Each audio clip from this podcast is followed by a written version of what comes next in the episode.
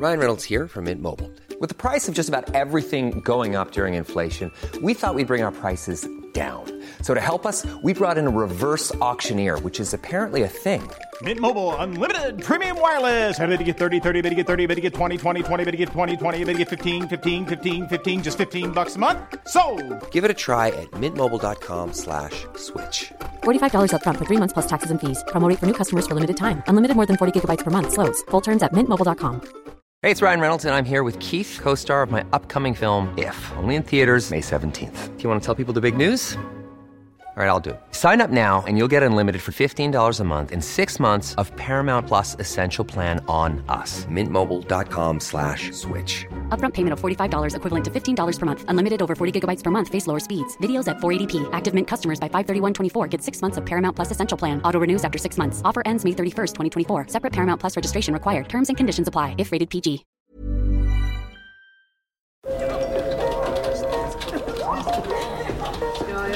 Dette er lyden av norsk næringsliv. Akkurat nå tas det små og store valg som kan bli avgjørende for fremtiden. Med økonomisystemet X-Leger tas disse beslutningene basert på informasjon i sanntid, slik at drømmer og ambisjoner kan bli virkelighet. Få kontroll og oversikt, gå inn på xledger.no.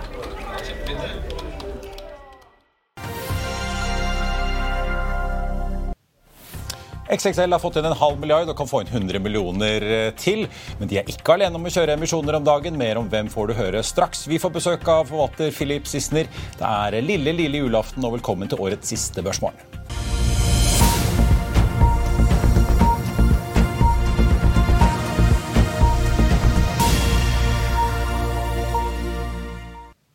En eh, riktig god morgen alle sammen, og velkommen til oss her i Finansavisen. Jeg er Marius Thorensen, og med meg har jeg aksjekommentator Karl Johan eh, Målnes. Hovedindeksen på Oslo Børs endte jo opp 1,2 i går, og ifølge da værmeldingene fra DNB og Nordnett så kan vi vente oss en eh, oppgang på rundt en halv prosent nå fra start om bare noen få minutter. På Wall Street i går så, så det jo relativt positivt ut. Dow Jones endte opp 1,6 til, til litt over 33 300 poeng, mens S&P 500 økte økte halvannen prosent og endte da på litt over 3008, mens Nasdaq også da la på seg drøye halvannen prosenten i går og suste over 10 700 poeng. De største indeksene i Asia i dag tikker oppover, og da ser altså det ut til at den gode stemningen fra USA har smittet litt over Stillehavet. Oljeprisen den fikk en solid oppgang i går. Vi så nordsjøoljen legge på seg 2,5 dollar, og i dag fortsetter den oppover, om enn ikke i samme fart.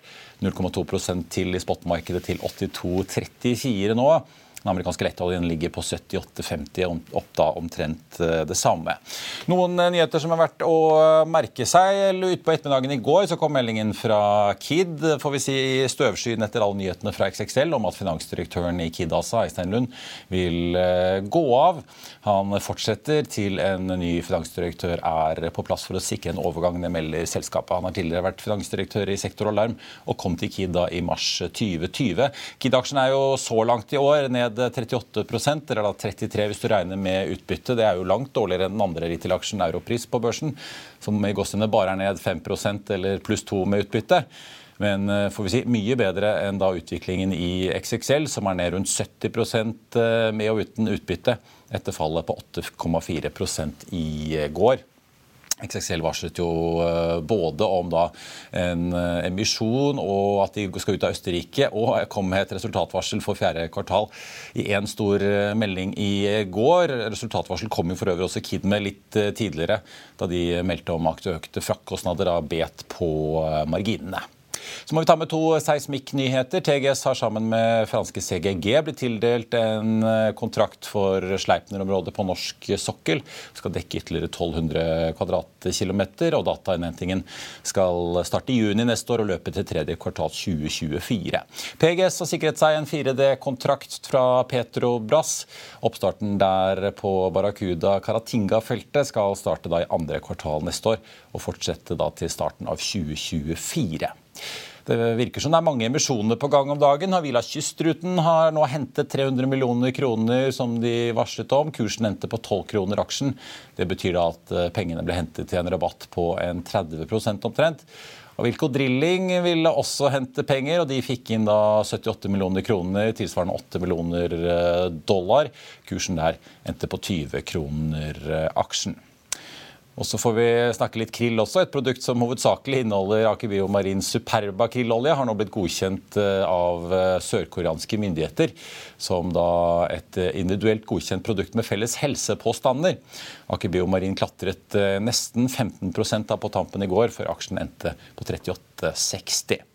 Så var det da XXL, og før vi kaster oss over resultatene av emisjonen, så tenkte jeg vi skulle høre litt hva en av de mest rutinerte lederne i norsk varehandel hadde å si om XXLs problemer.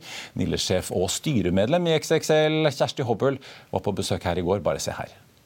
Eh, nå vet jeg Du ikke kan si veldig mye om XXL fordi du sitter i styret og det er børsnotert. Men likevel, vi har jo da nå rett før jul fått uh, melding resultatvarsel. De skal ut av Østerrike, som jo har vært en stor prosess i styret, står det jo omtalt om fra selskapet. Uh, ny sjef er på vei inn. Det skal hentes inn en halv milliard for å nedbetjene gjeld. Hva viser på en måte de problemene vi ser i XXL om varehandelen? Er det at sportssegmentet er veldig utsatt? Eller er det noe liksom med driften og de utfordringene du snakker om på en måte med varelager som er utfordringen? Altså vi, Under korona så, jo, så, gikk jo vi nordmenn mannen av huset. Jeg bor jo på en gård i Ytre Enebakk og har alltid kunnet gå i skogen og ha den for meg selv, men det var jo mennesker folk, ja. overalt i uh, nye skalljakker. ikke sant? Så nordmenn har vel kjøpt alt de trenger og ikke trenger av sportsutstyr, og det har jo en, heldigvis da, en levetid. som uh, ikke, Du trenger ikke noe nytt uh, år etterpå. Og, så der er det klart at etter to veldig gode år så skulle det bare mangle at man kanskje ikke tenkte tanken at det kom en, en reduksjon da, i omsetning. Og det er jo sånn i alle virksomheter at når ting går veldig bra, så er det veldig fort gjort å legge på seg et kostnadsnivå litt, bitte litt høyere. Og i retail så er det sånn hvis topplinja di svikter, så slår det rett ned. ikke sant? Og da blir den overheaden på kostnader ekstremt viktig å jobbe med. Liksom et par-tre prosent omsetningsvekst hvert eneste år. Du, må. Du, vet, du, har jo, ja. du har jo vekst i strømpriser sant, som også rammer. Du har en ganske høy lønnsvekst i, landet, og du har en da veldig høy KPI på husleier. Så det er klart at hvis du, ikke, hvis du får en nullvekst i omsetning i topplinja di, så slår det markant ned. Så det å trimme kostnadene hele tiden, ikke bare i retail, men selvfølgelig i alle virksomheter, det er kanskje viktigere enn noen gang. Og så er det noe med å se mulig dette var en uh, liten smakebit fra et juleintervju med Hobble som vi slipper på selveste julaften. Så da er det bare å tune inn, får vi se. Der deler Kjersti noen uh, ganske interessante betraktninger om hva som kan utspille seg i varehandelen i det nye året.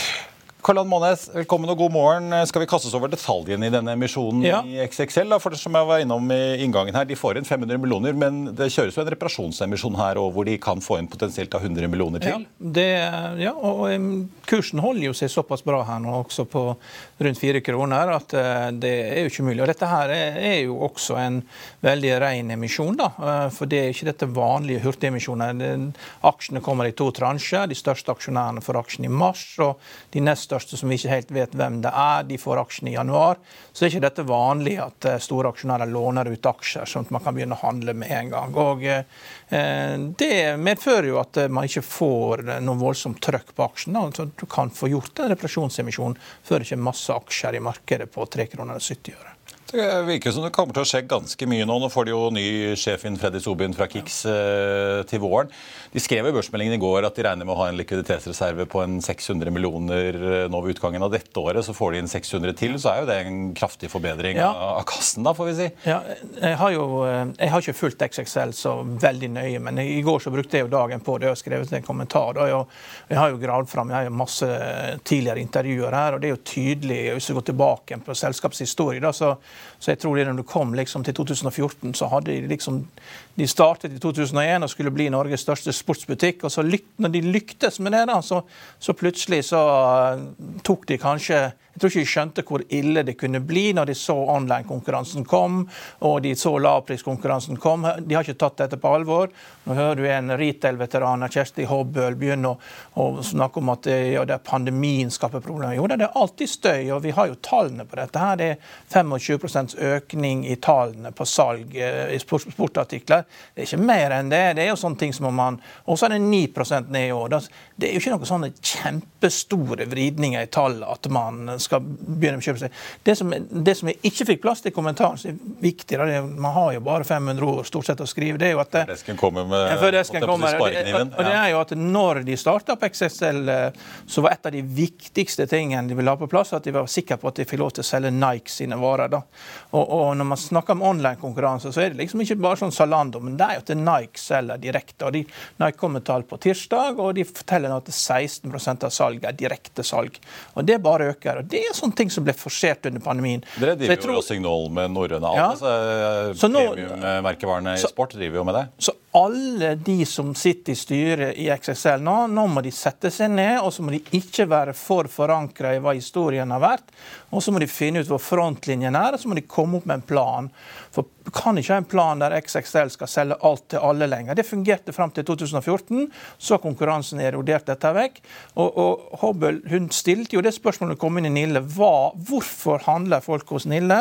Og hun må gjøre det samme spørsmålet i XXL. Hvorfor handler Så du må gå og finne kundens behov, og du må begynne på bunn. Og så må du bygge opp hele butikken etter etterspørselen. Og da kan du ikke gjøre det som du har gjort før. Gjør du det, så går du konk. Mm. Og som hun pekte på, Det er seigt i varehandelen hvis du har ja. Eh, litt for store administrasjonskostnader, ja. og så begynner omsetningen å tikke nedover. Ja.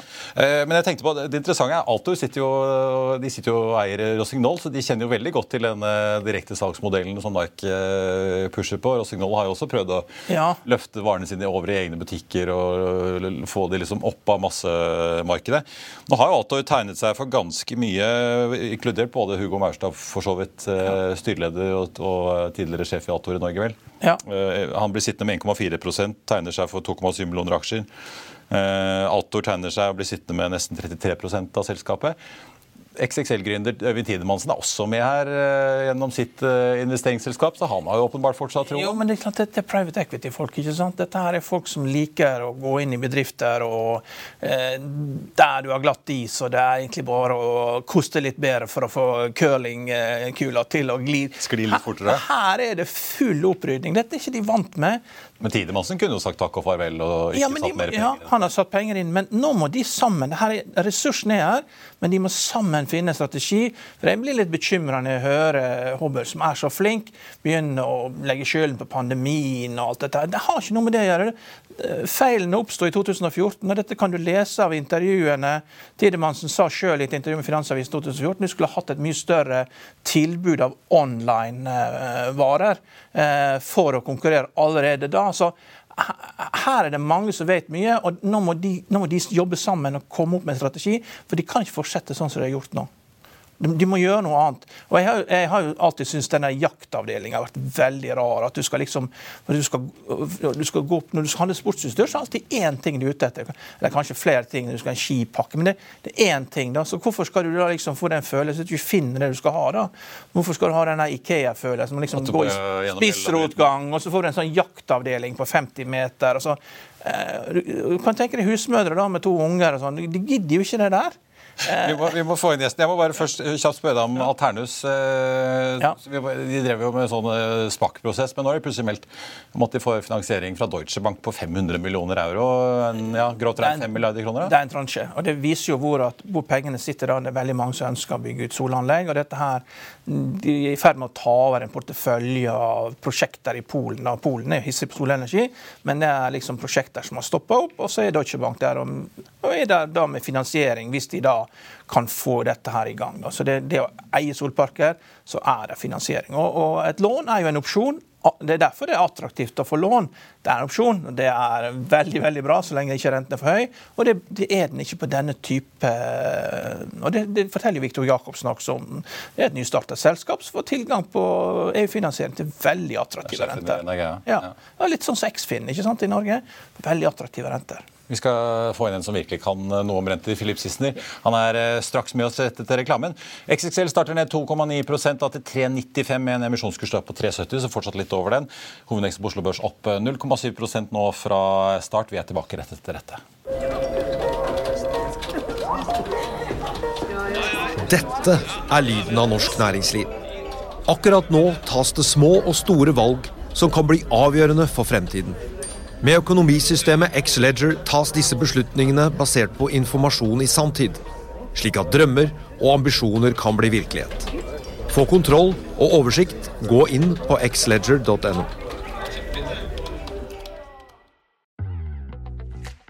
Vil du bli oppdatert på det viktigste som har skjedd innen finans og næringsliv? Da er det bare å følge med, for hver morgen er jeg, Marius Lorentzen og aksjekommentator Karl Johan Malnes på plass i studio for å ta tempen på dagens marked i Børsmorgen. Og hver ettermiddag oppsummerer vi alt du trenger å vite i økonominyhetene, og det blir selvfølgelig masse interessante gjester.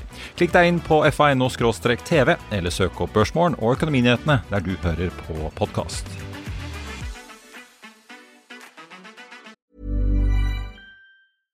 Hiring for your small business? If you're not looking for professionals on LinkedIn, you're looking in the wrong place. That's like looking for your car keys in a fish tank.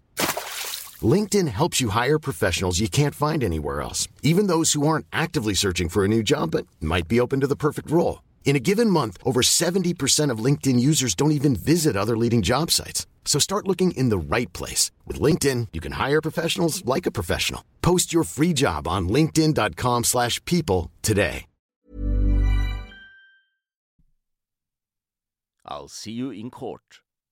Vi sier det ofte litt på spøk, men for deg som driver business, er det aldri moro å innse at du ikke har laget en 100% gyldig kontrakt.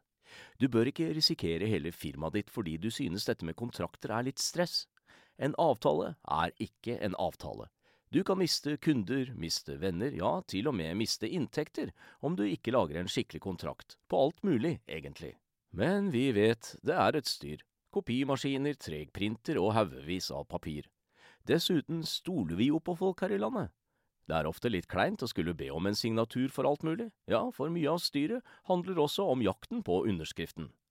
Det finnes en enkel måte å løse dette på, Dukkobit, en trygg, effektiv og get this, gratis måte å sikre seg en god natts søvn pluss en juridisk bindende avtale. Dukkobit-appen har de strengeste sikkerhetskrav i bunn, samt en EU-godkjent og sertifisert teknologi. Framover vil det bli behagelig å spørre du, skal vi skrive under på det, eller? Kom i gang på dukkobit.no.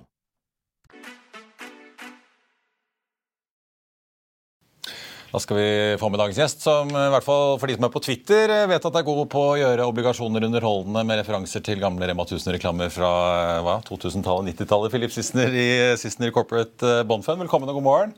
Tusen takk. Du, vi snakket jo om XXL, nå har jo ikke de noen obligasjoner. Eh, men du fikk en liten flaske vin av Preben Rask Olsen her om dagen, skjønte jeg? Absolutt. det var... Et lite veddemål gående på XXL-kursen?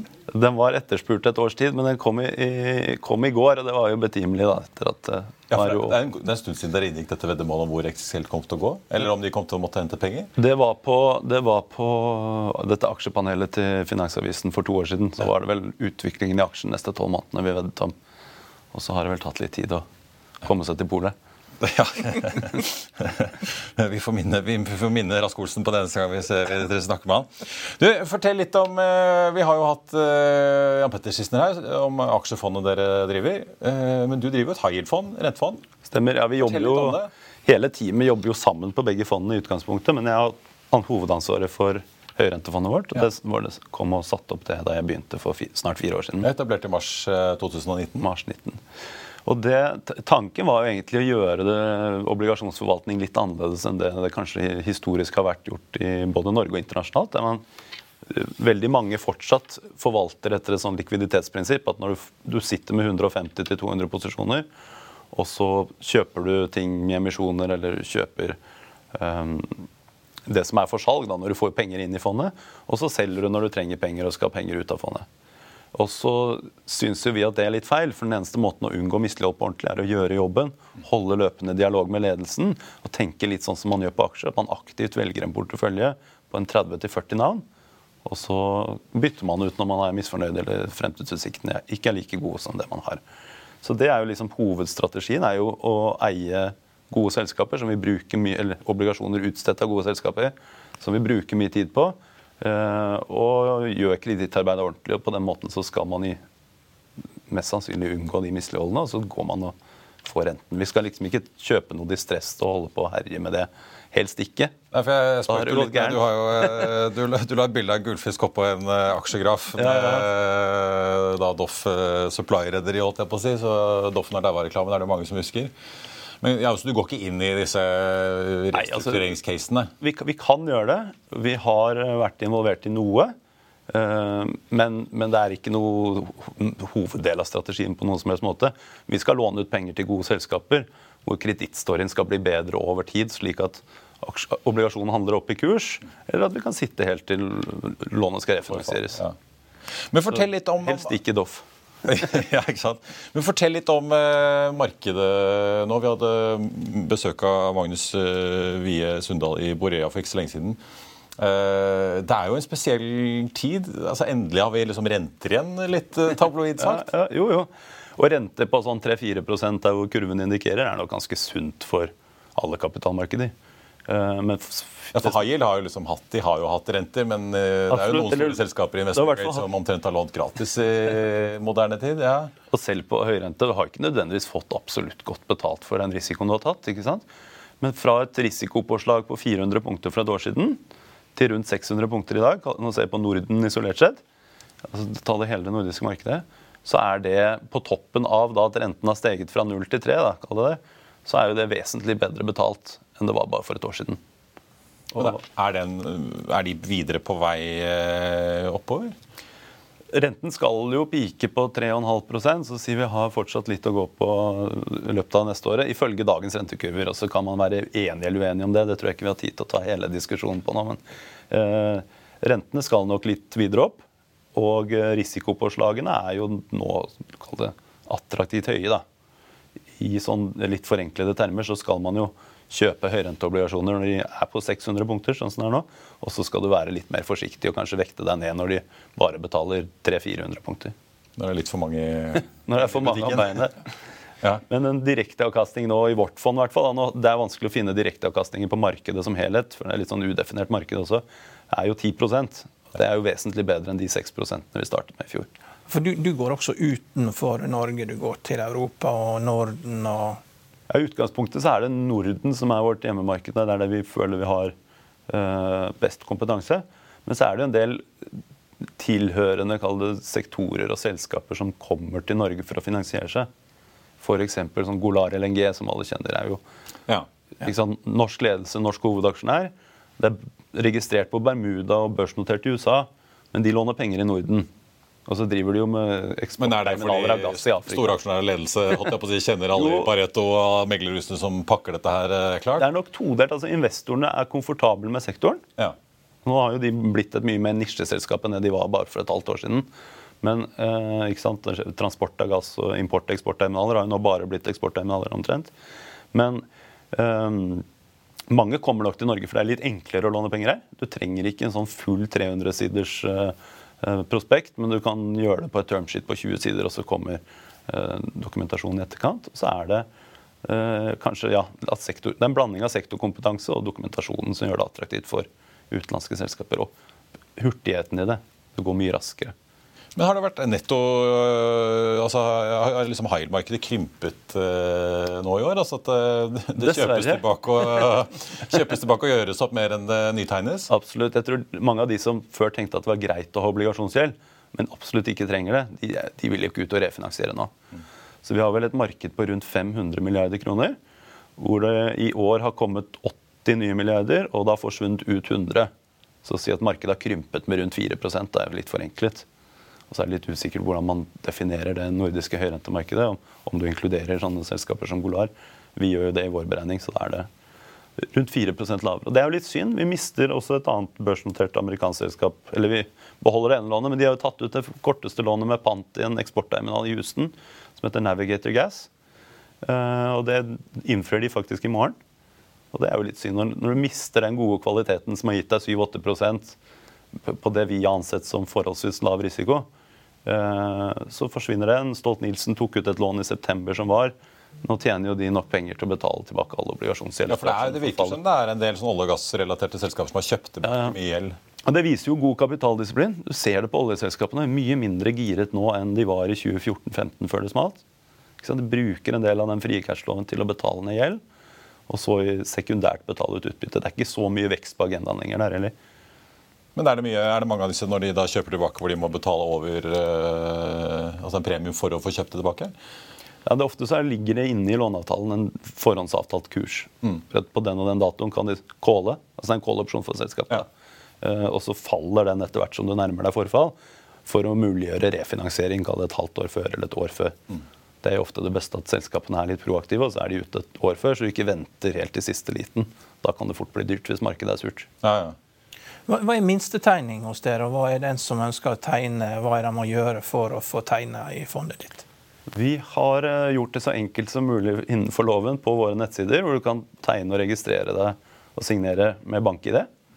Uh, det er ingen minimumstegning. Du kan spare månedlig, og du kan tegne 100 kroner. Men det er klart, det, er jo, det å investere på 10% rente med 100 kroner er jo ikke nødvendigvis så spennende. Men alt fra gavetegninger til de største investorene har flere hundre millioner hos oss. Så er, vi er åpne for alle i utgangspunktet. Men er det, ja, Nå ser vi jo det blir mye kjøpt tilbake i olje og gass, men er det noen sektorer du er bekymret for? da? Veldig Mange har jo snakket om næringseiendom, men er det andre, andre næringseiendom som du tenker sånn hm, er... Nei, altså eh, Eiendom har, er jo kanskje den mest åpenbare. Hvor folk har jaget yield i 15 år, eller kanskje siden 90-tallet, hvis du ser de lange brillene på det. I en periode hvor, hvor renten har falt, så finansieringskost har falt, og avkastningskrav har falt. Og nå er det motsatt. ikke sant? Dobbelt smell. Så hvis eiendomsgild tidligere var på 3% og man tror den skal til 6 så vet vi at Entra nå har annonsert at de solgte noe på 4 men det må være noe skattegreier. Det må være noe rart. Mm. Et eller annet gærent her. Men, eh, men, eh, ikke sant? hvis du går fra 3 til 6 på yield, så halverer du verdien. Alle som har mer enn 50 gjeld, da vil jo eh, egenkapitalen være borte på. Ja. Så vi har ikke hatt noe eiendom. Vi følger med på eiendom. Vi har vært short en del av disse svenske eiendomsselskapene i aksjefondet vårt. Også altså SPB og Castellum og Balder og den gjengen der? Liksom. Ja, mest SPB og Balder. Mm. Og så har vi dekket SPB nå, for der skjer jo litt sånn strukturelle spin-offs og sånn, så vi får se hva vi går på igjen. Men, uh, så eiendomssektoren er den åpenbare. Det er én ting. Uh, det er ikke noen andre sånn store sektorer, men det er jo en del litt sånn luftige tech-selskaper som har tatt opp veldig mye gjeld. Som har prøvd å kjøre en sånn PE-stil uh, på børs eller på privat hånd. Det er fortsatt noen PE-selskaper. Der kan det jo være gode selskaper som faktisk genererer kontantstrøm, men ikke nok til å betjene og nedbetale gjeld. Der kan det jo oppstå muligheter i framtiden i form av litt mer sånn aktivistisk stress. Da, at man kjøper inn og blokkerer en form for refinansiering, og så ønsker å konvertere til egenkapital, kall det, så har du egentlig et ganske bra selskap i bunn som egentlig har feil balanse og feil kapitalstruktur. og Det ser vi jo Ofte, men ofte så klarer de å leve med den Eller historisk så har de klart å leve med feil kapitalstruktur lenge. Mm. Men det er ikke noen annen sektorspesifikk bransje. altså da vil jeg se eiendom og annen infrastruktur ja. som bare er sånn yield-verdsettelse. Da kan du Og alt er selskapsobligasjoner. Det leter ikke etter eksotiske plasseringsalternativer innenfor renter. Det er eh, selskapsobligasjoner. Kun selskaps- og, og bankobligasjoner. Ja. Så, men det er jo, vi ser på det som selskapsobligasjoner. Men er det, er det, mange nå med gitt den renteøkningen vi har sett, da, og sant, fondet gir en avkastning, direkteavkastning på 10% altså, Det er jo en ganske høy rentebelastning hvis du står der som selskap og skal ut og faktisk få nye lån. Da. Litt som vi ser liksom Alternus er ute og har fått en pakke. ikke sant? Men hvis du da plutselig, hvis rentenivået du møter er 10% da skal jo det du driver med være ganske, generere ganske mye cash. Ja. Opplever dere at mange bedrifter rett og slett nå møter en slags sånn renteterskel som de ikke klarer å regne hjem eller klatre over? Er, at de bare de, kan, de må stanse prosjekter, eller? Ja, nei, Det har vi ikke egentlig sett ennå, men det kommer helt sikkert. Altså... Øh en del av det, investeringslysten der ute faller jo litt etter hvert som finansiering blir dyrere. Men um, rentebetjeningsevne, altså hvor mye cashflow genererer du til å betjene renter og avdrag, det er jo, eller gjeldsbetjening av det, det er jo noe av det viktigste vi ser på. Det, og det, det, er klart, Der har vi jo sensitiviteter mot de selskapene vi eier. Vi holder oss stort sett til kvalitetsselskaper innenfor high Mm. Selv om det høres kanskje litt rart ut. Men, selvmotsigende. ja, selvmotsigende. Men det er faktisk slik at mange av disse selskapene, om det er BVO eller om det er Ocean Yield, så tjener de såpass mye penger at de, deliver og betaler ned bank hele tiden. Og også uh, er i stand til å ta ut obligasjonslån både ett og to og tre ganger uten å måtte hente noen penger. Mm. Så de har alltid en sånn likviditetsbuffer, og så tjener de ekstremt mye penger. Det er dette sentralbanken vil, at vi skal utsette investeringen i tre til seks måneder. Ja, ja, de vil jo få det Da får de sånn som de vil. Da blir det ganske, ganske tydelig på det. Her skal det liksom Det skal bankes ned. Så bruker man renta som prissignal, og det er ikke alle som tar det signalet. Mm. Nei, men Det er sånn det funker. ikke sant? Men, men se på altså, Ocean Yield har, har det beste lånet jeg mener i hele markedet. Eh, de ble jo tatt private av KKR, dette oppkjøpsfondet, i fjor. Eller var det i forfjor? Nei, det var i fjor. Og så øh, hadde de et en flytende Libor. Altså et lån som, med fik, fikst margin på 6,75% men det var over Libor. Og Libor var jo null, så for dem var jo det helt supert en periode. Men, Nå er jo Libor 5. ja? Nå får vi 12% rente nesten der. Ja. Og det er et såkalt evigvarende lån. Sånn at, men da har en call i 24. Hvis ikke de tar den callen, så går renten opp fra dagens 11 til 16 men de, det gidder de ikke. ikke Nei, ikke sant? Den, den de strekker seg langt fra De driver, de driver private equity, de vet du, så de kommer ikke til å fortelle at verdien har gått ned, for da reduserer de fiberutgangen. så de, kan, de fortsetter å late som ingenting. Men Fortell litt om hvordan dere er posisjonert nå. Sånn, eh, I hvert fall jeg så på månedsrapporten din, så ser du jo eh, så langt i år er dere oppe en 2,2 eh, sammenlignet med aksjer, eller i hvert fall per november. Da, ja, ja. Så i forhold til mange aksjeindekser så er det ganske pent. Men hvordan er dere posisjonert nå? Det virker som det er ganske kort durasjon. Kort durasjon At dere ikke vil sitte med lange ting, Er det bare fordi dere vil vente og se på at rentetoppen nås, eller? Ja, nei, altså, Vi har veldig mye flytende rente. Det er det som drar ned durasjonen. Vi har lengre lån, så løpetiden er vel 2,5 eller 2,8 ja, ja. lurer jeg på den er nå. Uh, vi prøver ikke å tenke så mye rente, egentlig. Vi tenker mye mer kreditt. Og for de som forstår forskjellen, Renten er jo risikofri, kreditten er selskapsspesifikk. Så det å ha for lang rentebinding, det har vi jo sett i år at altså, du har statsobligasjoner i USA er ned 20% eller noe sånt. ikke sant? Det som antatt skal være tryggest. Så har du sånn 100-årslån i Østerrike som er ned 50 Det er jo ikke, det, det er ikke derfor man investerer i obligasjoner. Så vi, bare for å unngå svingninger, så ønsker vi egentlig å holde den ganske kort til enhver tid. Ja. For å ikke ha for mye meninger om renter, for det kan skje ting som gjør at renten tryner eller stiger. Og Det har vi jo sett i år. I 2020 falt den masse. I, i år har den jo steget. Så bare for å unngå den volatiliteten, så ønsker vi egentlig til enhver tid å ligge med flytende mest mulig flytende, men altså, den lever jo du tenker egentlig litt mer som eh, en aksjeinvestor sånn sett, da, fordi du er mer opptatt av hva selskapene driver med? Mye mer opptatt av å ikke låne ut penger til feil selskaper enn om renten skal opp eller ned. Ja. Akkurat. Og sånn sektormessig nå, da, er det, hvor er det du finner liksom uh... Det er også sammenfallende med det vi tenker på aksjesiden. at Det er mye bra verdi i kall det olje- og oljeservice. Ja, fortsatt. Selv om prisen er flat fra januar til i år, så er jo snittprisen i år 50% høyere enn snittprisen i fjor. Så Nivået har på en måte hevet seg, selv om det er svinger. Så så vi når oljelagrene i USA uh, faller. Det må de jo både strategisk og kommersielt bygge opp igjen. Og, og etterspørselen etter olje kommer jo ikke til å avta med det første, uansett hva, hva man ønsker. Man ønsker en energisikkerhet, eller kall det geopolitisk sikkerhet i Vesten, og da må man produsere olje i Vesten også. Eh, så det er liksom kall det der, og der er det mye underleverandører. Det har ikke vært eh, gjort så veldig mye på noen år.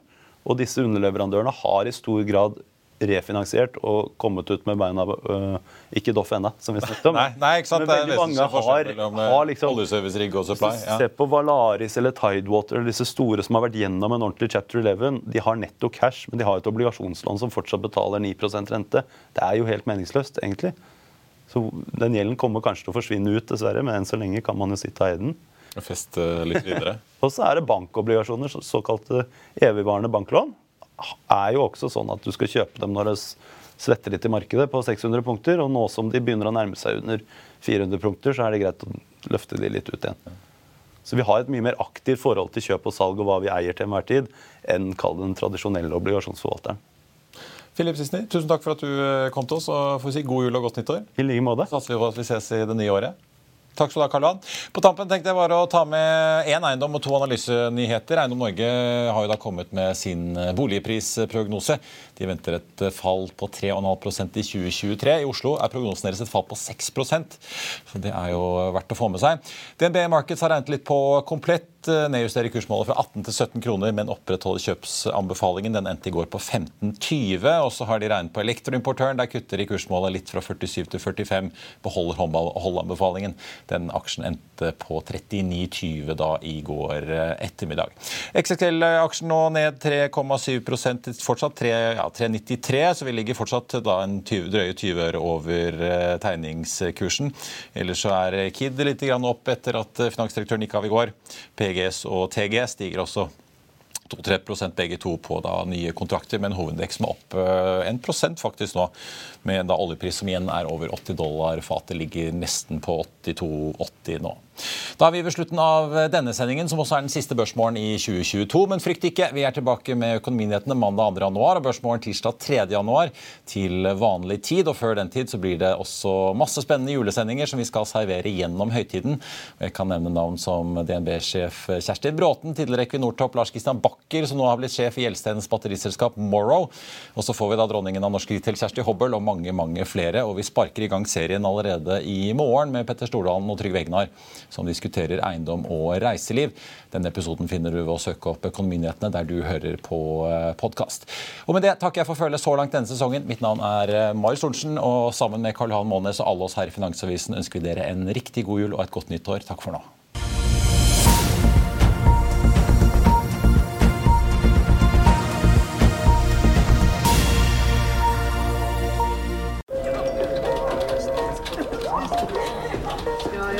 Dette er lyden av norsk næringsliv. Akkurat nå tas det små og store valg som kan bli avgjørende for fremtiden. Med økonomisystemet X-Leger tas disse beslutningene basert på informasjon i samtid, slik at drømmer og ambisjoner kan bli virkelighet. Få kontroll og oversikt, gå inn på xledger.no.